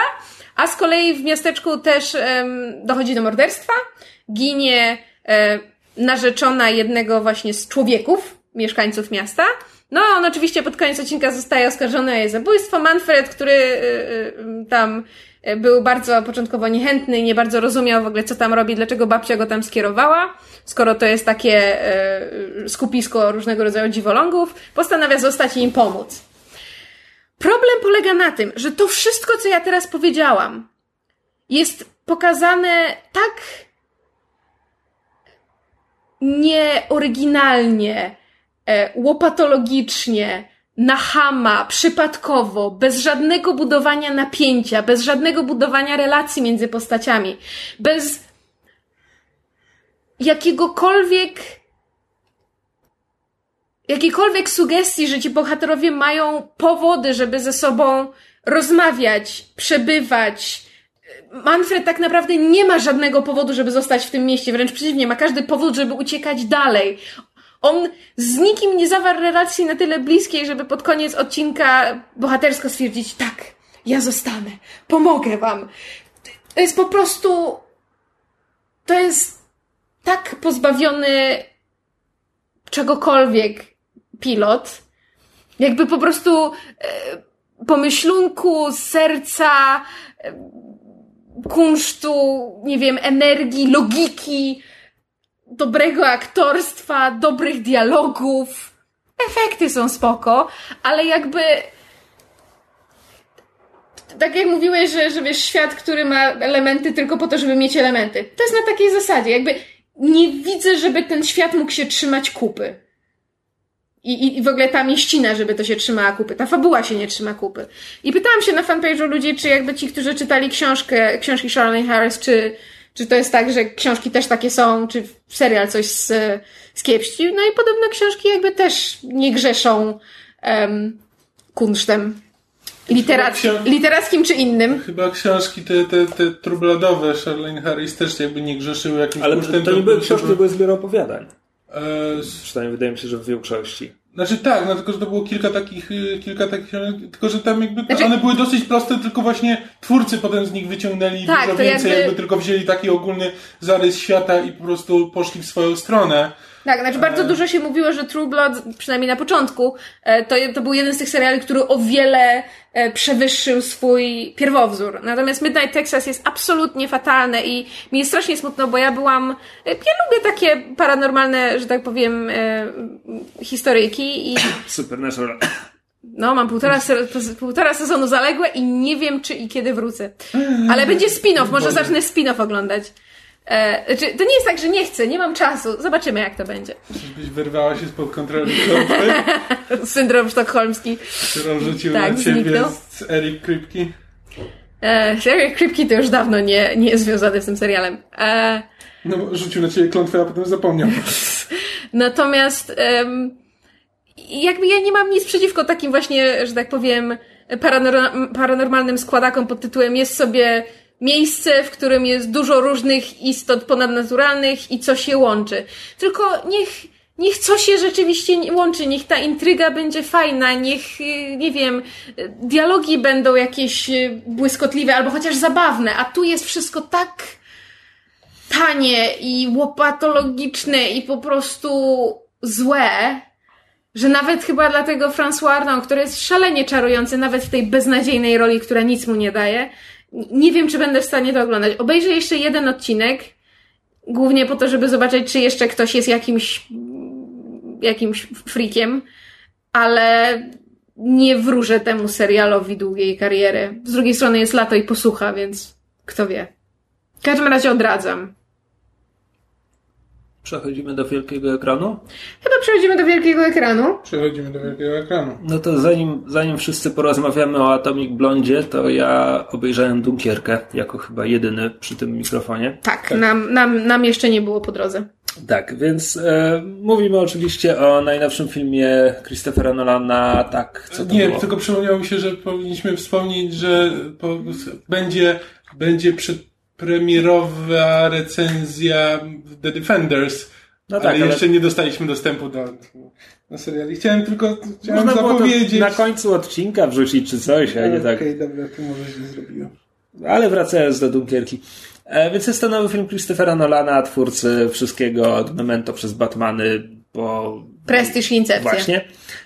Um, która pokazuje e, historię ewakuacji z e, armii brytyjskiej z tytułowej Dunkierki. E, to jest ten, ten epizod z początku II wojny światowej, w miarę początku. Dla Anglików to zasadniczo był początek II wojny światowej, dla nas mm, w każdym razie e, no, Niemcy, Niemcy przetoczyli się po Francji i, i skopali Brytyjczyków, więc trzeba było wycofać e, armię przez kanał La Manche z powrotem do domu, żeby mogli walczyć dalej.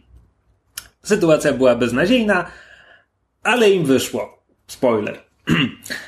A, I Nolan, ponieważ jest Nolanem, więc coś tam musiał skomplikować. Jesus Christ! Kot mnie zabił. Kamil miał zawał, bo kot. No co nas wskoczył? Kamil się nie spodziewał, zapatrzony w telefon. Kot tam leży od całego samego No początku. właśnie, leży tam o co uśpił moją czujność, a potem próbował mnie zabić. Niesamowite, kot się ruszył. To, się- to się nie dzieje.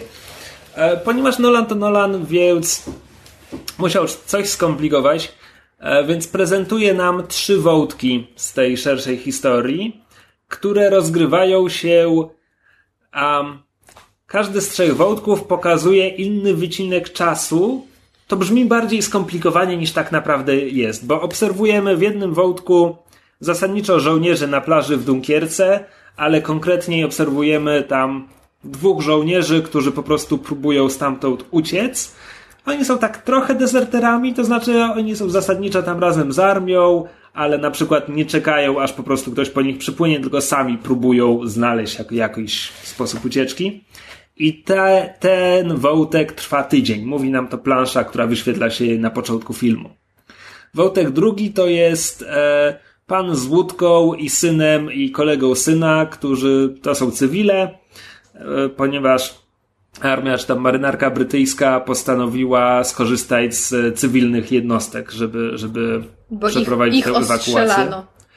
Nie, tam chodziło o to, że oni się e, byli przekonani, że, że wkrótce nastąpi e, niemiecka inwazja na Wielką Brytanię, więc trzymali siły w odwodzie do obrony Wielkiej Aha. Brytanii więc marynarka tam jakieś pojedyncze tylko pancerniki wysyłała do tej ewakuacji, a, a nie, nie rzucili się jakby całą flotą.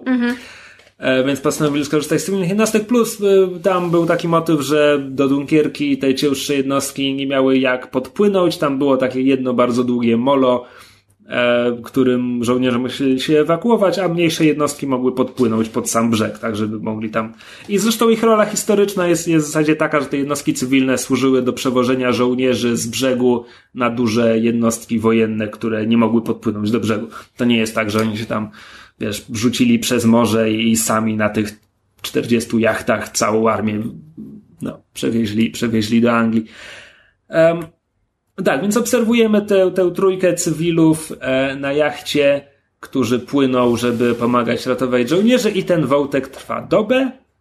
I wątek trzeci to jest e, Tom Hardy e, w myśliwcu, który jest pilotem RAF-u. Tom Hardy, nie myśliwiec. Wrona na balkonie. Naprawdę, czy wszystko tutaj tak rozprasza waszą uwagę? Na balkonie siedzi wrona, kot siedzi na parapecie i patrzy na wronę. Mysz też patrzy na wronę. Już też patrzy na wronę. Trzeci wątek, Krzysiu, kontynuuj. Aczkolwiek powiem ci, że jak te wrony tak spacerują po tym balkonie w te i we w te, to można się przekonać, że ptaki naprawdę są blisko dinozaurów. Po prostu jak one łażą, jakie one mają szpony. E, W trzecim wątku Tom Hardy lata sobie samolotem RAF-u i strzela do niemieckich samolotów i ten wątek trwa godzinę. E, I w finale oczywiście wszystkie trzy wątki się schodzą, bo nagle tam no, tamci dwaj siedzieli na plaży przez tydzień, ale tydzień się kończy, więc akurat jest ten dzień, kiedy po nich przypływają cywile i akurat jest ta godzina, kiedy Tom Hardy przylatuje tam swoim samolocikiem. A kiedy mówię, że to wszystko brzmi bardziej skomplikowanie niż jest, no bo bo zasadniczo zasadniczo ten film ta konstrukcja nic nie wnosi do tego filmu. To po prostu mógł być film, który nam pokazuje godzinę akcji, w której są retrospekcje, które pokazują, co się dzieje. w- Ten film zasadniczo tym jest. Tylko, że normalne filmy nie potrzebują okładać czytelni- widza planszami, że patrz, to będzie tydzień, to będzie doba, bo to nie ma znaczenia. Dobra. Film jest. E, e, autorem zdjęć do filmu jest e, Hoyt van Hoytema, e, holenderski reżyser po łódzkiej filmówce, który zrobił też zdjęcia do Interstellar i e, chcę powiedzieć e, Spectre albo Skyfalla. Wydaje mi się, że Skyfalla. E, w każdym razie zna, znakomity operator. E, ten film wygląda pięknie. Pod względem technicznym, w sensie ko- kolejne ujęcia, sceny batalistyczne, asterisk, zaraz do tego wrócę. E, to wszystko wygląda świetnie. E, natomiast sceny batalistyczne to nie jest dobre określenie. Lepszym określeniem byłyby sceny katastroficzne, bo to jest film o II wojnie światowej, w którym nie ma Niemców. To znaczy oni gdzieś są poza kadrem i strzelają, no i jak są niemieckie samoloty, no to widzimy niemiecki samolot, ale nie widzimy pilotów, nie widzimy niemieckich żołnierzy. E, i jednocześnie to jest film, w którym brytyjscy żołnierze i francuscy e,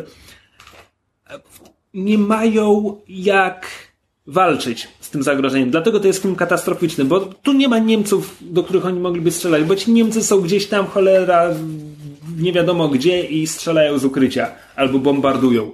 Więc ci, ci żołnierze nawet nie mogą kontratakować, więc to jest bardziej tak, jakby im groziło tsunami niż, niż żołnierze przeciwnika. Jest to film, który wygląda świetnie.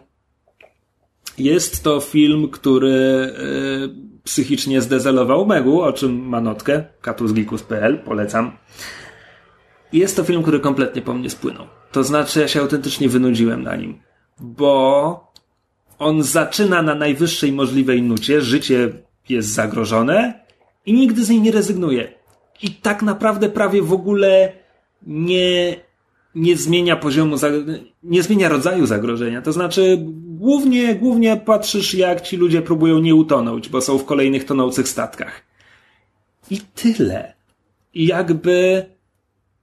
I tam jest jeszcze montaż, który oszukuje, bo nagle masz dramatyczną scenę, jak ktoś ucieka przed, przed ostrzałem na plaży, która zamienia się w scenę, gdzie cywilny jacht odpływa od molo. I tam też jest ta straszna muzyka Hansa Zimmera, który ci, która ci mówi przejmuj się, przejmuj się, przejmuj się. Ale ty tylko patrzysz, jak łódka odpływa od molo. Po prostu to sztuczne budowanie napięcia montażem mnie strasznie wkurzyło na samym początku filmu. tu nie ma żadnych bohaterów, z którymi możesz empatyzować. Znaczy, no są żołnierze i oni przeżywają coś strasznego i to jest straszne, ale film nie traktuje ich jako pierwszoplanowych postaci, bo oni są tylko trybikami w takiej wielkiej maszynie i nawet, i nawet ta grupa ludzi na łódce, oni też są tylko częścią czegoś znacznie większego od nich. I ja się tym bohaterem zbiorowym kompletnie nie potrafię przejąć. Tym bohaterem zbiorowym i jego losem. Um, kurczę, no, zazwyczaj jak wychodzę z kina po filmie Nolana, to mogę o nim mówić strasznie długo, nawet jeśli to jest tylko punktowanie wad w scenariuszu Dark Knight Rises. A Dunkierka po prostu jest ładna, jest dobrze zrobiona, ale tyle, nic więcej Ale nie lepiej z tego obejrzeć. Band of Brothers na przykład. Nie widziałem Band of Brothers, ale e, Krzysiu! Krzysiu! ale jest tyle rzeczy do oglądania. No, Ale nikt Krzyś, ale, wszystkiego ale nie obejrzy. Krzysiu, ja nie cierpię kina wojennego. Jeżeli ja mówię, że Band of Brothers jest super, to jest super. W każdym razie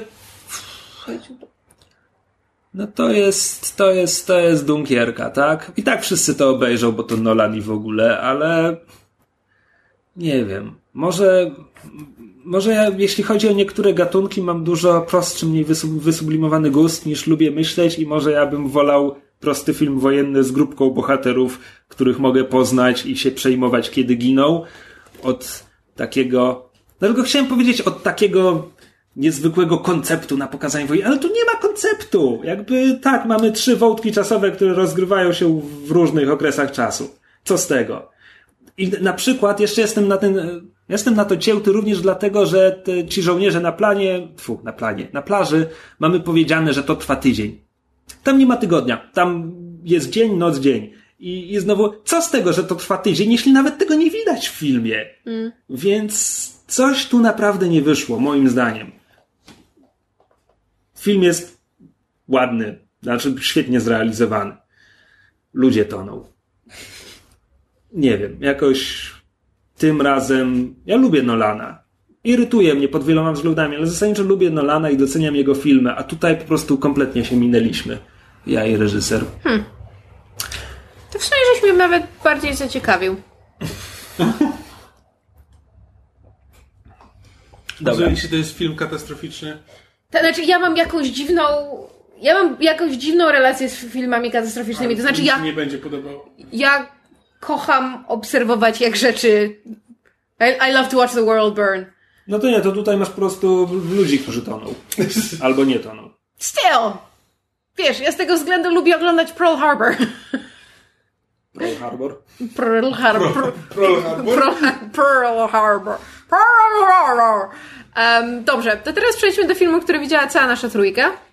E, choć nie razem, jak to czasami bywa. Mianowicie byliśmy w kinie na filmie Atomic Blonde, na który ja byłam osobiście bardzo nahypowana. No i teraz mam za swoje. Tak? W skrócie. O. To, to nie jest tak, że... Zacznijmy, zacznijmy od wyjaśnienia, o, czym jest film. Film jest e, Film jest oparty na komiksu... książce. Cicho, cicho. Zaraz do Film tego jest przejdziemy. adapt, e, adaptacją komiksu ze scenariuszem Antonego Johnstona, niestety nie pamiętam kto go narysował. Opowiada o e, szpieszce w Berlinie w 1989 roku, krótko przed upadkiem muru. Mamy Berlin Wschodni i Zachodni, intrygę szpiegowską. E, Zalążek intrygi jest dokładnie taki sam jak w Skyfallu, to znaczy wyciekła lista absolutnie wszystkich szpiegów i trzeba ją znaleźć, bo inaczej absolutnie wszyscy szpiedzy zginą. Więc Charlize Theron udaje się do Berlina, gdzie jej kontaktem, miejscowym agentem MI6 jest James McAvoy. Ci ludzie mają swoje imiona, ale ja ich nie pamiętam. I od razu, od razu dzieją się rzeczy, to znaczy od razu okazuje się, że KGB już jest na jej tropie, jest też tam tajemnicza Sofia Butela, która tajemniczo jeździ na motocyklu i tajemniczo robi zdjęcia Charlize Theron. Dla francuskiego wywiadu. Nie chciałem tego mówić, bo to się okazuje gdzieś tam dopiero w drugim akcie filmu. Ups. Ja mam dzisiaj kiepski dzień, jeśli chodzi o spoilery. E, tylko właśnie, ale skoro jesteśmy przy spoilerach, bo tak, no, no, ja na przykład nie chciałem tego powiedzieć. Ale z drugiej strony to jest film, który trochę trudno zaspoilerować, bo o ile nie opowie się dokładnie ostatnich 5-10 minut, to mamy do czynienia z fabułą, która tam się dzieją rzeczy i dzieje się dużo i nie wiadomo kto gra do czyjej bramki, a potem ostatnie 10 minut próbuje ci wyjaśnić kto grał do czyjej bramki, ale to nie do końca ma sens. To znaczy, Ta fabuła nie do końca to ma znaczy sens. myśmy z Kamilem ym, przed ostatnią sceną, najostatniejszą, myśmy z Kamilem, nie wiedząc, że ona będzie, myśmy z Kamilem spojrzeli na siebie i takie ty, słuchaj, zrozumiałeś o co chodzi? Taki nie, a chyba, chyba kompletnie we, we missed the point of the entire movie. A potem się pojawia ta ostatnia scena, jest takie, aha, no okej, no i Ale, ale, jakby, potem, ale potem jak zaczniesz się zastanawiać, to to wciąż nie do końca ma tak, sens. jakby jest takie, Ja, ja, sobie, ja sobie dopowiedziałem parę rzeczy, które chyba nadają ten film- sens tak, ten filmowi, film ma- nie ma ich w filmie. Tak, ten film ma twist, tylko nie taki, że nagle zaczynasz, a, czyli dlatego wtedy, tylko takie, zaraz, czyli, ale to jak, ale, co?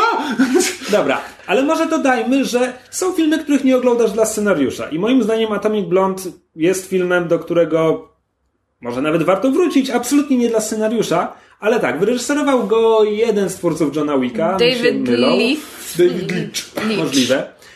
E, to jest film, który używa swojego settingu do maksimum. To znaczy, tak, No to tak. są lata 80., więc muzyka będzie ci to mówić w każdej scenie, ale również samochody, stroje, bo to jest w większej części Berlin Wschodni, więc Mhm. mamy po prostu ten e, blok komunistyczny pokazany wspaniale. czuliśmy się jak w domu. Po prostu ten, ten kwiat młodzieży socjalistycznej Tak. też, też jest cudowny. A z kolei w Berlinie Zachodnim wszędzie są panki i anarchiści i w ogóle.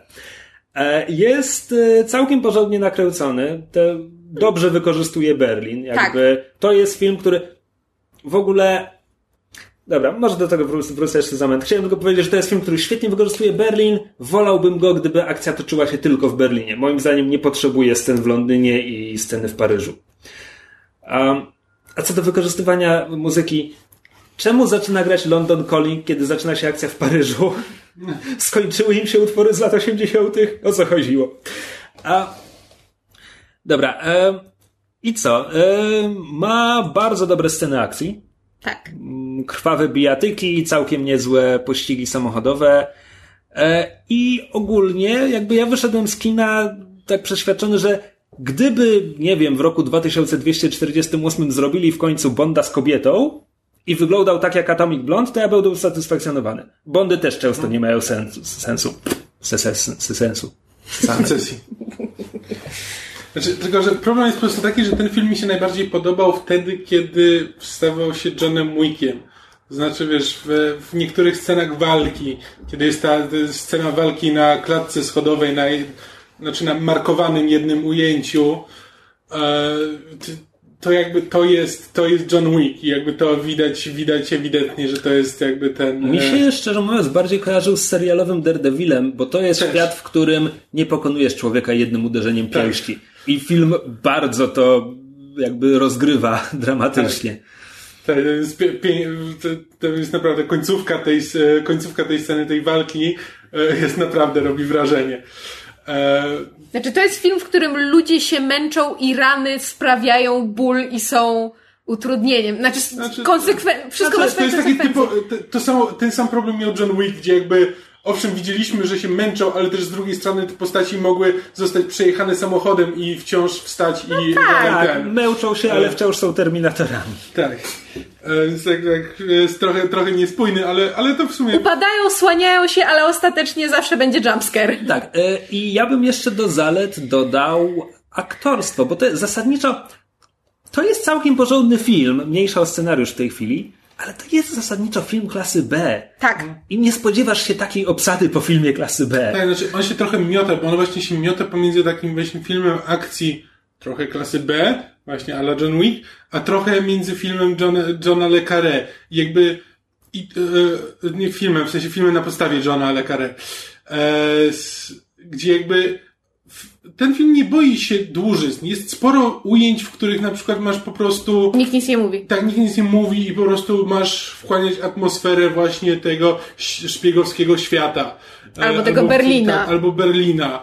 E, I jakby wiesz, ludzie na siebie patrzą, a potem rozmawiają bardzo z, rozmawiają ze sobą frazesami różnymi. I, e, tylko, że tak, żadnej z tych, żadnej z tych dwóch połówek nie do końca jest w stanie poprowadzić Tak, no sprawnie, i jeśli- a przede wszystkim nie jest w stanie ich połączyć w spójną całość. No, no i przede wszystkim, jeśli bierzesz się za, za le, lekarę, lekarego, a, no to jednak trzeba zaprezentować fabułę tak, żeby miała ręce i nogi. To no znaczy, film szpiegowski może cię zaskakiwać, kiedy się okazuje, że to był poczwórny agent, ale tak, tak jak powiedziałeś, to musi być twist, który ci potem mówi, aha, on był poczwórnym agentem, więc kiedy powiedział tamtemu podwójnemu agentowi to, to jemu kłamał, a tamtemu potrójnemu powiedział prawdę.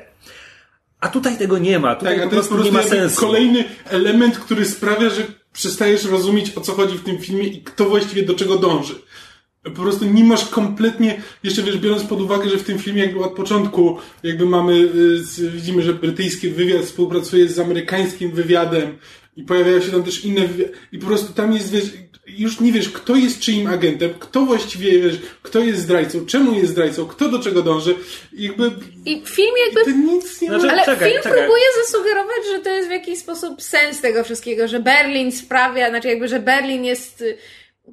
Rządzi się własnymi Tak, rządzi się zasadami. własnymi prawami, ale, ale, ale robi to nieudolnie. A fakt jeszcze, że te wszystkie intrygi i walki mają miejsce, to jeszcze pół biedy, że to się nie zazębia, ale to, że nie zależy nam. To znaczy, jakby mi się ten film bardzo miło oglądało, mimo wad, które teraz wyliczamy. Natomiast jakby miałam takie. Kurczę, tylu dobrych aktorów, którzy dają całkiem naprawdę dobre, że tak powiem, występy. Sofia Butela potrafi grać. Nie, ale, nigdy nie, ale, nie ale ja jestem, ja bardzo lubię akurat Sofię Butelę. E, natomiast em, miałam takie, no fajnie, tylko że kurde na nikim mi nie zależy. Znaczy, że, bo kiedy, bo kiedy mówimy inaczej, bo wy, wy mówicie, że się gubicie w intrygach i tak dalej, a ja na koniec filmu jakby, ja dobrze wiem na koniec filmu, kto był zdrajcą, kto grał tylko na siebie i zasadniczo, zasadniczo wiem o co chodziło, ale scenariusz nie ma sensu, bo jak na końcu wiem, kto pracował z kim, to wtedy niektóre na przykład sceny walki moim zdaniem były scenami walki tylko dlatego, że jakby ci ludzie nie mieli powodu, żeby się bić. Tak, ale właśnie to, to, to dochodzi, że jakby ja, jakby tam są sceny, które jakby, że ja wiem, film jakby mi pokazuje kto dla kogo gra, a potem jest scena akcji, która trochę temu przeczy i właściwie że się zaczyna zastanawiać, że okej, ten to może skoro oni walczą, to znaczy, że tutaj dochodzi do takiego odwrócenia tam ról, czy czegoś. I zaczynasz, wiesz, po prostu masz, film rzuca tyle różnych e, sprzecznych jakby sygnałów, że po prostu w którymś momencie jakby mózg robi, nie, to ja już się przestaję zastanawiać, kto dla kogo pracuje, bo jakby, bo nie dojdę do tego i tak, dopóki film jakby nie, się nie skończy i po prostu nie, nie ustali tego jakiegoś, e, jakiegoś stanu faktycznego. Make up your mind. A film po prostu kończy się jak powrót króla. Znaczy tam są chyba cztery zakończenia, zanim film się w końcu skończy. Nie, więc po prostu jakby, wiesz, jakby, tak, wiesz, kto dla kogo pracuje, ale po prostu tak się ciężko, ale ponieważ jakby z jednej strony musisz jakby mieć w głowie, kto jest, kto jest czyim agentem, kto dla kogo pracuje, a z drugiej strony się cały czas zastanawiasz, no, kto jest tutaj, jakby ewidentnie masz, masz e, motyw jakiejś zdrady i zastanawiasz się, kto dla kogo i dlaczego zdradza. I jakby, i próbując te wszystkie rzeczy połączyć w tym filmie, który kompletnie ci rzuca e, jakby wątki bez pomysłu i po prostu kolejne wątki wrzuca w to i po prostu w którymś momencie stwierdzasz, że no nie, no po prostu ci to przestaje obchodzić, bo no możesz, możesz się zastanawiać e, 5 milionów razy, ale jeśli wiesz, wszyscy będą zmieniali zdanie co, co 3 minuty, kto, kto dla kogo pracuje, to już właściwie malać to wszystko.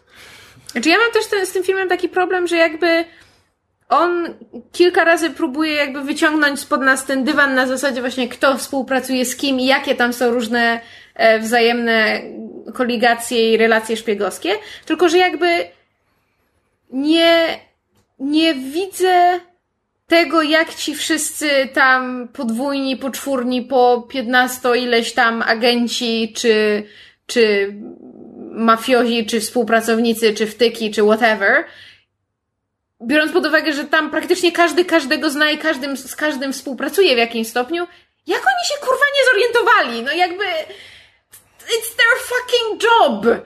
Znaczy wiesz co, ujmę to tak, no dla mnie, dla mnie scenariusz zasadniczo rozleciał się już na początku, bo o ile Skyfall istnienie tej listy agentów miało sens, bo to jest lista agentów, którą zrobił sobie wywiad brytyjski, a ten zbuntowany brytyjski agent grany przez e, Javiera Bardema, to był Javier Bardem, dobrze mówię? Właśnie. ją wykrada, bo, bo on był częścią tego wywiadu i on wie, że te informacje istnieją i w ogóle. To ma sens. Tutaj lista agentów Zachodu jest w rękach Stasi. No to film się kończy. O co chodzi? Jakim cudem, jeśli, jeśli Stasi miało tę listę, to jakim cudem jakby wszyscy w bloku wschodnim nie mają tej listy w tym momencie. Jakby film nigdy tego nie wyjaśnia. Jest po prostu... Ojej. No, ale jakby tylko, że to jest, to jest ponieważ to jest film klasy B, to zasadniczo mi wystarcza, że on jest ładny i ma fajne walki i dobrych aktorów, którzy dają dobre aktorstwo, nawet jeśli niektórzy nie mają, nie mają szczególnie napisanej roli. Bo, no bo, no nie wiem, no Charlize Theron gra taką chodzącą enigmę trochę.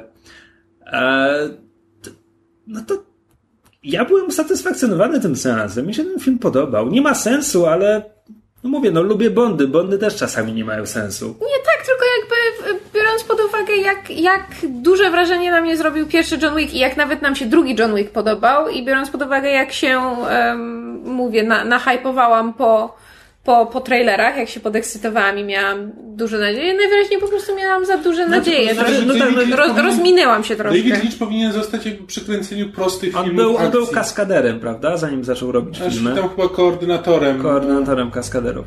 No, John Wick nie ma fabuły i dlatego jest dobry. Właśnie o to chodzi. I właśnie jakby David Lynch się tego trzymał, to jakby o to takie filmy robi. A tutaj jakby wrzuca fabułę, której nie wie jak poprowadzić. Znaczy nie wie jak po prostu ją spójnie przedstawić.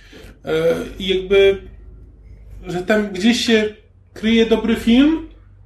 Znaczy, lepszy film. Tak, lepszy film, ale kto, nie wiem, może nawet dobry, no już tam nie, nie, nie chcę oceniać, ale, ale po prostu ktoś inny powinien spróbować go przedstawić. Znaczy, dla mnie Atomic Blonde to jest dobry film. Warstwa wizualna, aktorstwo, sceny akcji, to jest wszystko dobre. tak, nie, to tak. I w, w tym konkretnym gatunku, trzymając się. Oceniając to jako film akcji klasy B, to jest to dobry film akcji klasy B. Znaczy- Od tego gatunku nie wymagam scenariusza. Znaczy tak, ale ja się trochę, ja się trochę męczyłem, prawdę mówiąc, na tym filmie. Okej. Znaczy ja miałem po prostu czasami już takie, po prostu takie poczucie, że przejdźmy do czegoś ciekawego. Już ty- tak, już rozumiem, Berlin jest ładny, ale jeszcze chciałbym przy okazji ob- zobaczyć coś ciekawego, a nie tylko ładny Berlin. E, I tak to może być też związane z tym, że jak szedłem do kina, to mnie głowa bolała, więc tak nie byłem, nie byłem w nastroju do tego, żeby film może w, tak powoli się toczył i jakby powoli nam przedstawiał całą, cały ten świat, ale mm, Kamil, nie przestrasz się, kot będzie schodził. Jeżeli mu się w ogóle uda. Nie, on, on teraz tam żyje. this is my life now. I have made a terrible mistake. Dobrze, ponieważ kota nie, nie widzą e, słuchacze, to This is good podcasting, man. tak, to przejdźmy do jakichś wniosków. Poczekaj, e, jeszcze chciałeś oprócz powiedzieć? wniosków. Ja chciałam jeszcze wspomnieć dwie rzeczy. To znaczy, owszem, muzyka e, tutaj, prawda, muzyka lat 80. odgrywa bardzo dużą rolę. Natomiast, e, i w ogóle film jest fajnie, fajnie udźwiękowiony. E, natomiast nie zaszkodziłoby mu, gdyby sceny w filmie były troszkę bardziej pod muzykę dopasowane. W sensie, może nie level Baby Driver, ale trochę w scenach walki. Trochę, może. Em, ale to moja osobista preferencja. Natomiast były takie sceny, w których muzyka była za głośno. I to nie była kwestia jakby nagłośnienia w kinie, tego jak, był, jak była głośność podkręcona, tylko po prostu niektóre sceny miały za głośno dźwięk. Zarówno pod względem muzyki, jak i efektów dźwiękowych, bo było kilka takich scen, gdzie miałam wrażenie, że twórcy się silili na realizm i nie, nie przytłumili wystrzałów. Były bardzo, tak wiesz, na granicy yy, bólu się zastanawiam, czy to jakoś ja, nie, ja miałam nadsłyszność, czy może rzeczywiście tak, tak, Znaczy, nie, tak bo było. Tylko zastanawiam się, na ile to jest kwestia filmu, a na ile kina. No ale jakby reszta, mam wrażenie, że reszta dźwięków była w porządku, tylko właśnie było kilka takich scen. Natomiast naszym obowiązkiem, moi drodzy, jest dać medal z ziemniaka za e, poetycką reinterpretację filmu pani tłumaczce, która popisała się dużą sztuką. No, pie, pierwsze, to, to do czego nawiązywałeś na początku, pierwsze minuty filmu pojawia się plansza e, based on a graphic novel by Anthony Johnston, tłumaczenie na podstawie książki Antonego Johnsona. Tak. No, nie. Po prostu nie. Tam, A dalej nie było lepiej. a dalej było oj. To znaczy, ja się wczoraj e, śmiałam do Kamila, że to jest e, duża sztuka połączyć wszystkie wady tłumaczeń Marcina Leśniewskiego i Jana Jakuba Weksile w jednym, w jednym tłumaczeniu. Bo tam były rzeczy, które wynikały wyraźnie z niezrozumienia, ale były też rzeczy, które wyraźnie wynikały z tego, że, że tłumacz chyba chciał ufajnić dialogi i pokazać na co, na co stać. Jak, jak pierwszej scenie- Sticks and Stones. Tak. E, to mi wisi koło pisi! Tak. tak. Oj! Oj! Jakby, okej, Kamil mi powiedział, że na przykład niesłusznie się czepiam tego, że tam jest y, takie proste zdanie pod tytułem I'll take that as a yes, kiedy tam główna bohaterka Charlie Theron nie odpowiada na pytanie, tylko milczy, prawda, z tą swoją piękną twarzą. I tam postać Jamesa McAvoya mówi I'll take that as a yes. Co bardzo łatwe jest przetłumaczyć, uznam to za tak. Nie słyszę nie.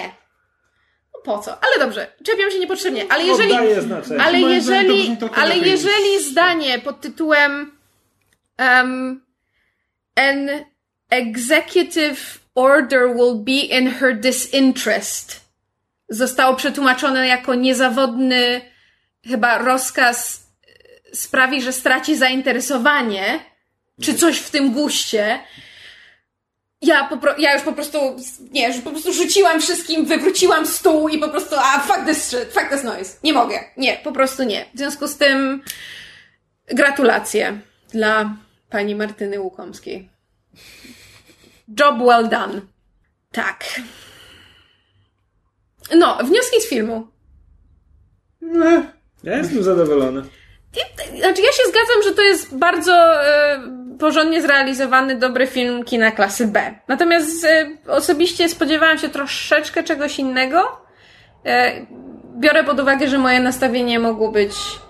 Czy właśnie, Częścią bo mówię, że byłaś jakoś strasznie nahypowana po trailerach i Bo wiesz co, bo mi się strasznie John Wick podobał. I jakby właśnie ta taka, wiesz, szczątkowa fabuła, która mimo wszystko em, jakby byłam emocjonalnie zaangażowana w to, co się działo, to jakby tego oczekiwałam, że właśnie to będzie film, który niekoniecznie będzie miał jakąś super skomplikowaną fabułę pod tytułem właśnie, wiesz, poczwórne zdrady typu Lekarę, że będzie miał dobre sceny walki, które miał e, i, i miał bardzo fajną obsadę, natomiast w ogóle nie byłam, jakby w ogóle na nikim mi nie zależało, nie obchodziło mnie, co się z nimi stanie, nie obchodziło mnie, jaka będzie rozwiązanie intrygi, jak już je dostałam, to stwierdziłam, no fajnie, ale co z tego? Nie chciałabym obejrzeć sequela. Szczerze mówiąc, prędzej bym obejrzała Salt jeszcze raz niż ten film. nie widziałem Salt, nie oceniam. Ja obejrzałam Salt i trochę nie rozumiem, dlaczego miało złe recenzje. Mi się podobało. Ale to może kiedyś obejrzeć i porozmawiamy. John Goodman z brodą wygląda trochę jak Mandy Patinkin w Homeland. U, tak! tak. Zastanawiałem się, kogo on mi przypomina. No. No, to chyba tyle w tym tygodniu. Tak jest. Dziękujemy bardzo za uwagę. Tak. Jak zwykle zapraszamy do komentowania u nas na fanpage'u i na naszej stronie myszmasz.pl i wysyłania nam maili na myszmaszpodcast.gmail.com i jeżeli chcecie, możecie nas wesprzeć na Patronite. Wszystkie pieniążki pójdą na rozwój podcastu, chociaż jak mówiliśmy na początku, ten podcast, podcast się nigdy nie zmieni, w związku z tym nie wiem, na co my wydajemy te pieniądze. Na dziwki i koks prawdopodobnie. Szkoda, że ja nic nie dostaję. Where are my bitches? E, tak, i tym optymistycznym akcentem kończymy e, na ten tydzień. E, I słyszymy się jak zwykle w przyszłym tygodniu. Chłopcy, pożegnajcie się. Znaczy mówisz jak zwykle, tydzień temu nie było.